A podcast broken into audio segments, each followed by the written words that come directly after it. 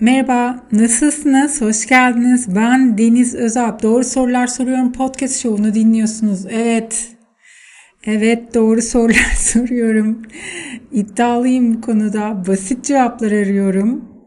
Onda da netim ama aradığım basit cevapları her zaman bulamıyorum. Gidiş yolundan ne öğrenirsem kardır diyerek yoluma devam ediyorum ve burada da kalmıyorum. Sizinle paylaşıyorum. Doğru Sorular Soruyorum podcast şovu wellness alanıyla alakalı sorular soruyor. Hostu yani sunan kişi ben Deniz Özel. Bir wellness danışmanıyım. Yani nelerle alakalı sorular soruyorum diye özetlemem gerekirse her şeyle alakalı. wellness alanına girmeyen bir şey yok. O kadar geniş bir alan. Her şeyle alakalı soruyorum. Her şeyle alakalı paylaşımlarım oluyor. Amaç sağlıklı bir yaşama ulaşabilmek, sağlıklı olmanın yollarını aramak. Bunun formülize bir tarafı yok. Bu bir yolculuk. Sağlıklı olmak da bir yolculuk bence. Fikrim bu konuda da wellness'ın içerisine girdikçe değişti. O yüzden o sağlıklı olma halini bize getirebilecek değerler, duygular ve diğer e, modern tıp alanına giren her şeyle alakalı ve günlük yaşamımızı etkileyen her aktiviteyle alakalı bir şeyler düşünmemiz gerekiyor ve karar almamız gerekiyor. Fakat bunları yaparken de biraz strese girmemizi istemiyorum. Ee, bir ara ben kendi adıma belli bir formül var ve o formülü takip etmeliyim gibi düşündüm. Fakat hayır belli bir formül yok. Bu bir yolculuk Herkesin yolculuğu kendine özgü, sağlık kişiye özgü. Bunu her zaman söylüyorum. Ve kişisel bir mesele. Ve bunu yolda karar vermek gerekiyor. Hani kervan yolda düzülür gibi bir söz var. Ben onu çok seviyorum. Hakikaten de öyle. Yani yolun başında evet bazı temel bilgilerimiz var. Modern tıptan, bilimin bilimden gelen, bilimsel araştırmalardan gelen neyi ya da ne kötüdürle alakalı temel bilgilerimiz var. O bilgileri de aktarıyorum. Ama bazı bilgileri de yolda ilerlerken öğreniyorsunuz. Bazı şeyler size gelmiyorsa iyi gelmiyor. Sağlıklı olsa da iyi gelmiyor. Bazı şeyler e, kötü de olsa yer alması gerekiyor. Yani kötü kötü olduğunu düşünseniz bile sağlıklı bir yolculuk içerisinde yer alması gerekiyor. İşte onlardan bir tanesi de öfke. Sordum, öfke nedir? Duygularımız ilkel mi? Bu sorunun çevresinde çok dolanıyorum son birkaç yıldır ve öfke sorguladığım duygulardan birisi. Öfke kötü bir duygu mu? Neden öfkeleniriz? Öfkenin, öfkelenince utanmalı mıyız? Öfke sağlıklı mı? Aslında sorun basit. Öfke nedir? Kendimde gözlemlediğimde aniden ortaya çıkan bazen çok güçlü ve kesinlikle bedenimde hissettiğim bir duygu. Mesela üzüldüğümde sesim kısılır, dudaklarım titrer ve gözlerim dolar. Bunu okurken bile gözlerim dolar. Hemen o ana sıçrayabiliyorum. Biliyorum nasıl ilerlediğini. Öfke ise öfkeyle yeni yeni tanışıyorum.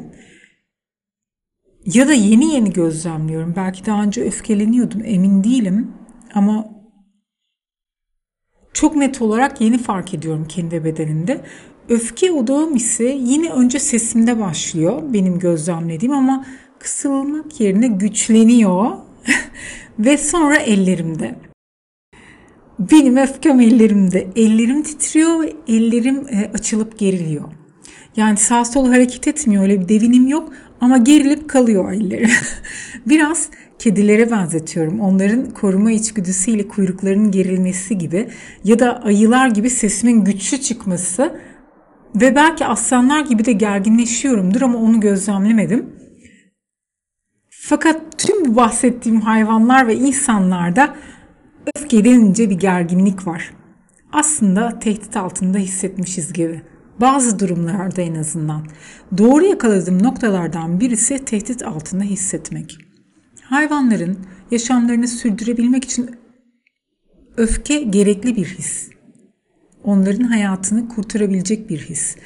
En azından belli bir miktarı hepimiz için gerekli. Yani insanlar için de gerekli. İnsanlar da geçmiş zamanlarda hayatta kalabilmek için öfkeye ihtiyaç duydu. Hatta kişilik gelişimi, karakter oluşturmak için de öfke gerekli. Yine de bir aması var.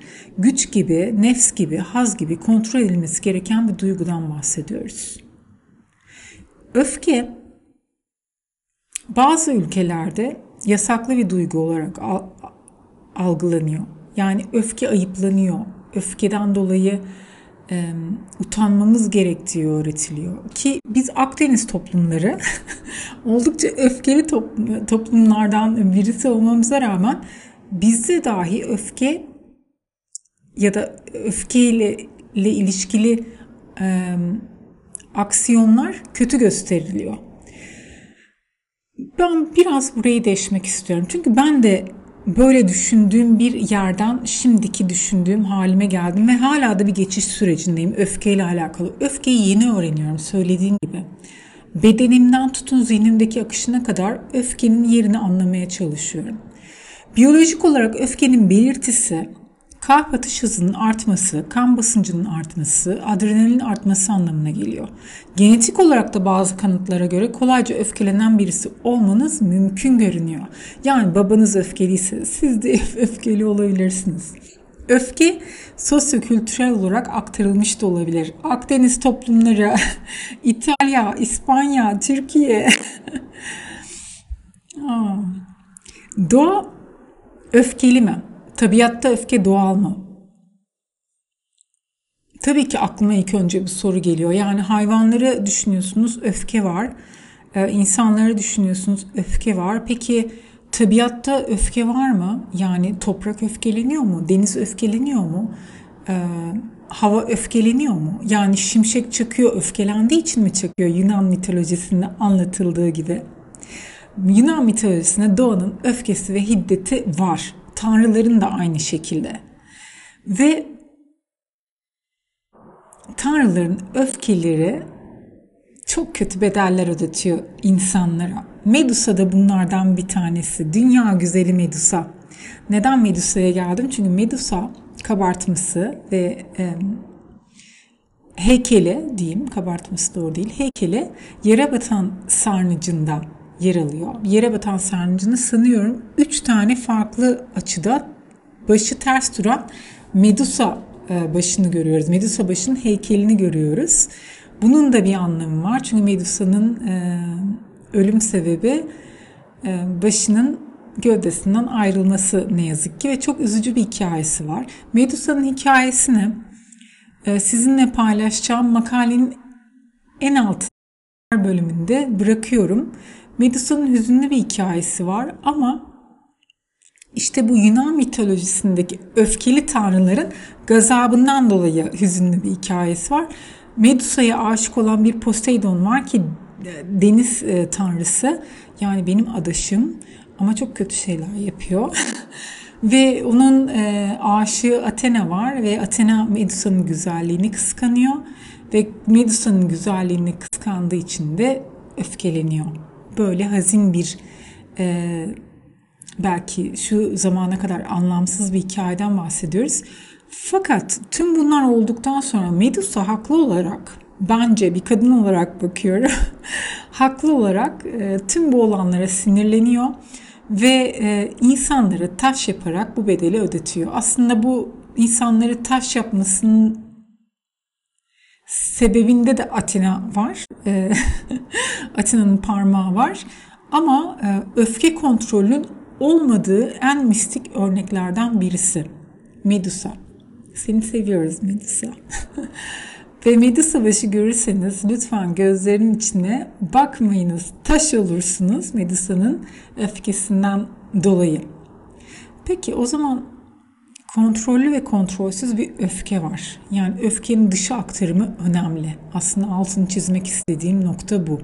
Ve öfke, öfkenin sebep olduğu bazı durumlar var. Bazı birincil duygular var. Mesela kıskançlık. Athena kıskanç olduğu için Medusa'nın güzelliğini kıskandığı için halbuki takdir etse Halbuki takdir etsin Medusa neydi güzelsin sen dese. Neden böyle şeyler yapıyor kadınlar? Neyse konuya geri dönüyorum.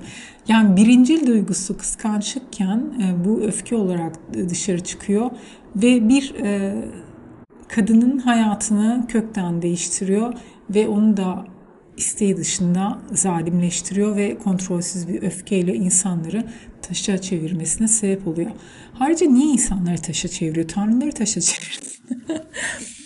Öfkeli misin? Ben cevap veriyorum. Kendimi hissediyorum şu an. Ben yaşıyorum. Çok öfkelendiğim bir anda geçen zamanlarda çok yakın bir zamanda kendine gözlemlediğimde içimden bunu söyledim. Kendimi hissediyorum şu an. Ben yaşıyorum. Yani kayıp ve kontrolsüz bir öfkeden bahsetmiyorum. Evet sesimin yükseldiği, güçlendiği bir öfkeden bahsediyorum. Evet ellerimin gergin olduğu yani kuyruğu dik tuttuğum bir öfkeden bahsediyorum ama kendimi gözler, gözlemlerken şunu fark ettim.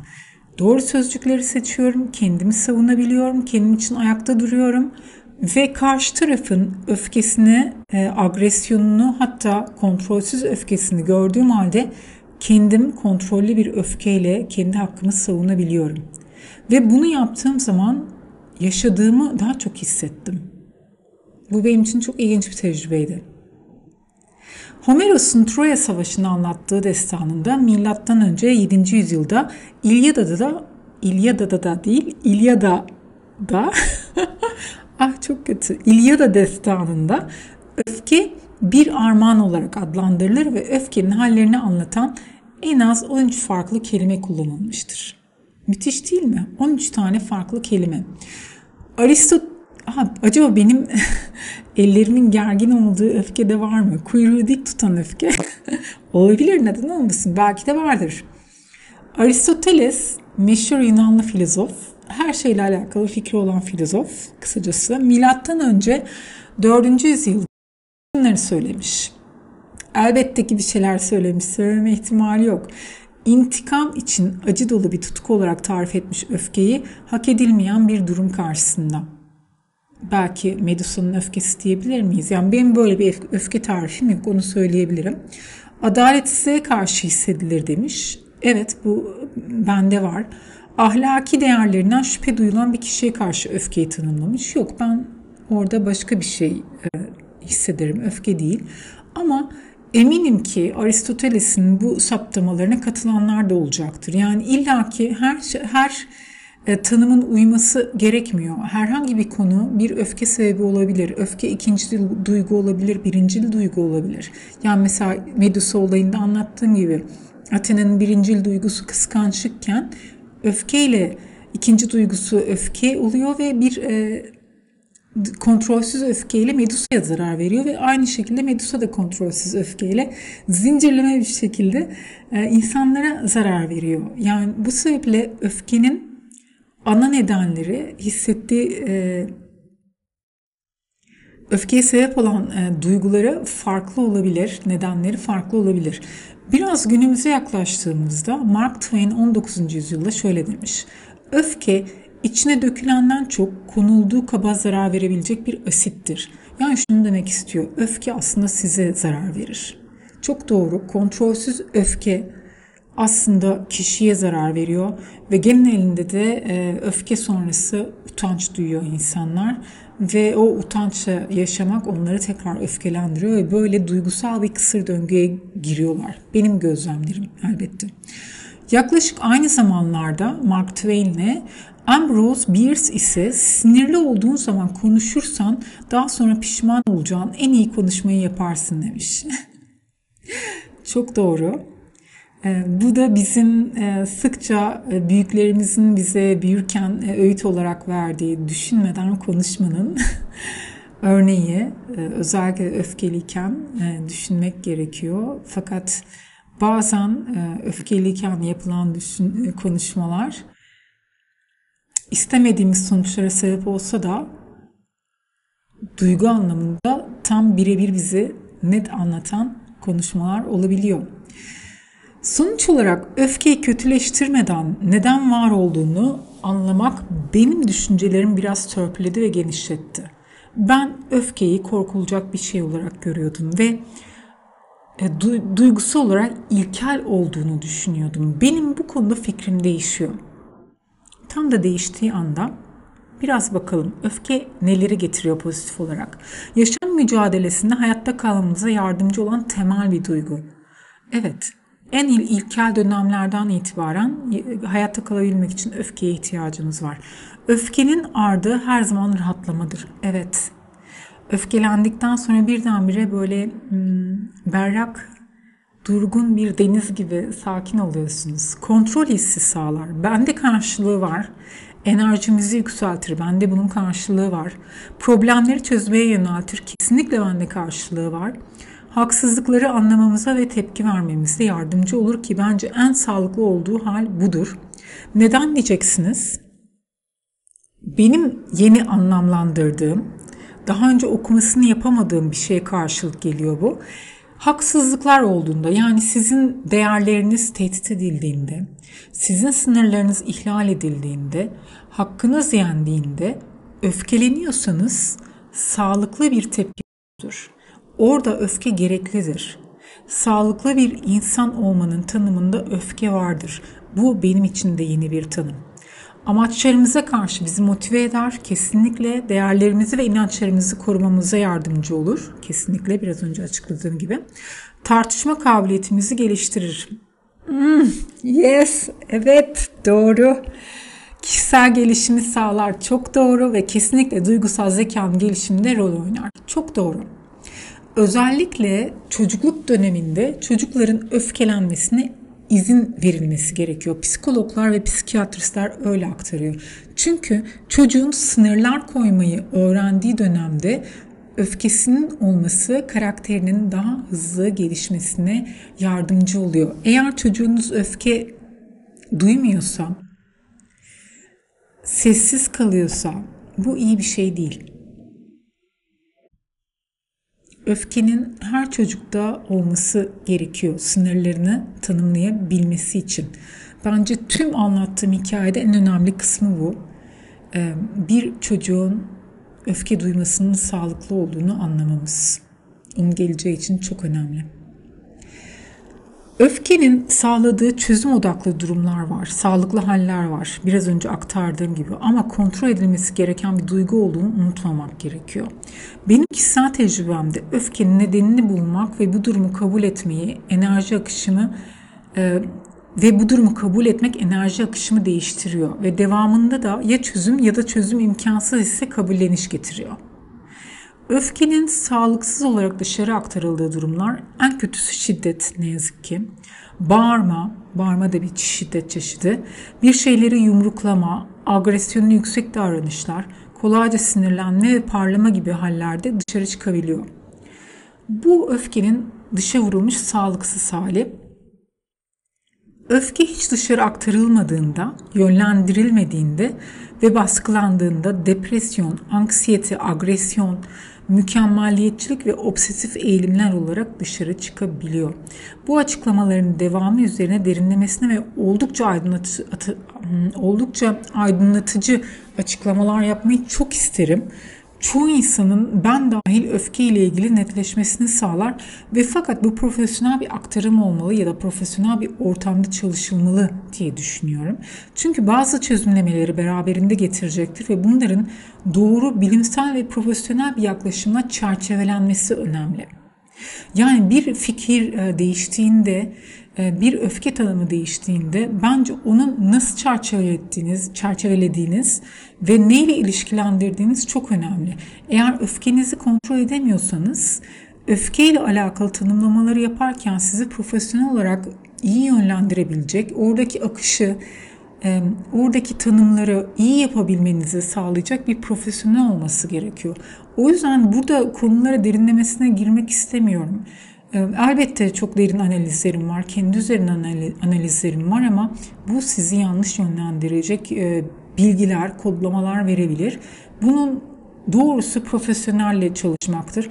Eğer imkanınız varsa başlığınızı da seçerek ben öfkeyle alakalı çalışmak istiyorum diyerek bir profesyonelle gidip onun üzerinde belki 7-8 hafta yoğun bir çalışma yapıp sonra tekrar gözlemlemek üzere e, doğal yaşamınıza diyecektim, doğal hayatınıza e, geri dönebilirsiniz ve e, öfkeyi gözlemlemeye başlayabilirsiniz.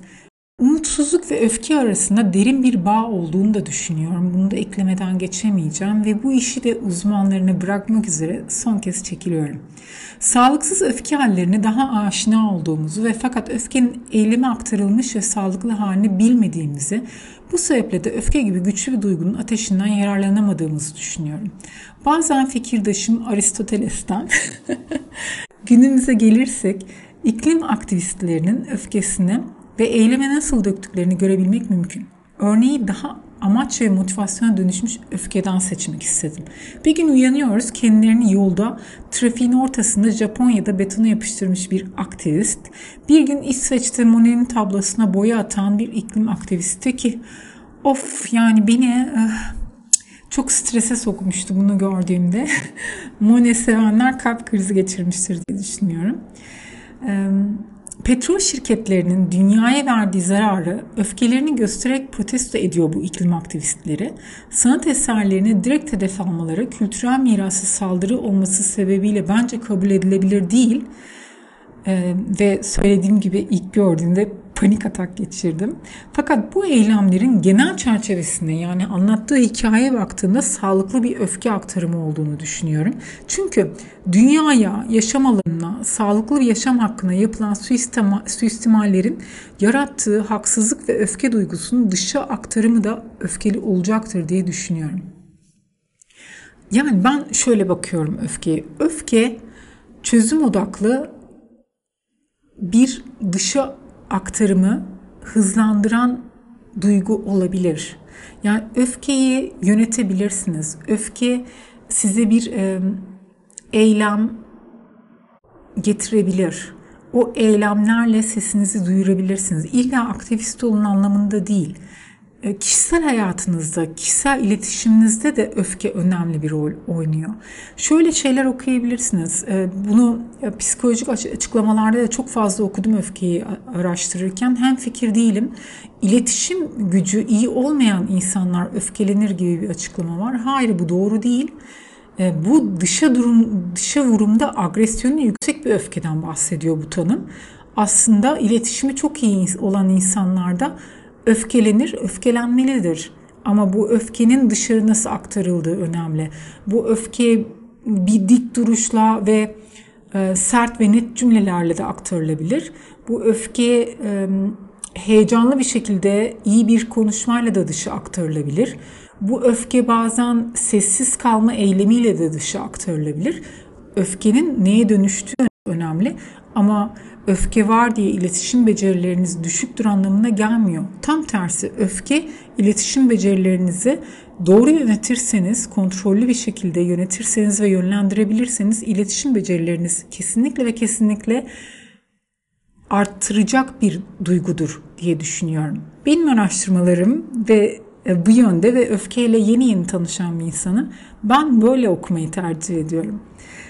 Öfke gerekli bir yaşam desteğidir. Farklı toplumları düşündüm. Akdeniz iklimlerinden daha uzak. yani bize uzak kim var diye. Ve Japonya aklıma geldi. Çünkü öfkeli bir Japon anımsamıyorum. Öyle bir e, dil ilişki biçimi e, tanıştığım Japonlarda da aynı şekilde gö- gözlemlemedim. Ve öfke ile ilişkileri nasıldır diye düşündüm. Biraz kelimelerini ya da ilgili atasözleri varsa onları irdelemek istedim. İşte suç suçlama ile ilgili bir ilişki var mıdır diye düşündüm. Genelde öfke oralarda çok e, yoğunlaşıyor bu eylemler gerçekleştiğinde ve bir ilişki yakaladım. Ama düşündüğünüz gibi değil. Şöyle bir e, açıklama vardı. Çocuklarını bardağı kırdığı için suçlamayan, bardağı ne olan ne olduğunu anlatmayı tercih eden insanlar. Yani bardağı ne olduğunu şöyle anlatıyor. Çocuk bardağı kırıyor. Bardak şu an incindi diyor. O yüzden kırıldı diye anlatıyor. Yani o kadar farklı bir anlatım ki içinde suç yok, suçlama yok. E, bizim kültürümüzde bu daha farklı e, ilerliyor. Biz çocuğu genelde bardağı kırdığı için suçluyoruz ve bunun kötü olduğunu anlatıyoruz. O sebeple bazı eylemlere koydukları etiketlerin tamamen farklı olduğunu görüyorum. Haksızlık ile ilişkisi ve dışı aktarım da farklı olur diye düşünüyorum. O yüzden Ee, belki öfke duygusu ilişkili konular için daha az hissediliyordur diye düşünüyorum ama hissedilmediğini düşünmüyorum. Çünkü e, Japonya'da utanç duygusu oldukça yoğun ve e, utanç duygusu ile öfkenin bazen bazı durumlarda kardeş duygular olduğunu düşünüyorum. O yüzden öfkenin hiç olmadığını düşünmüyorum Japonya'da. Bence var.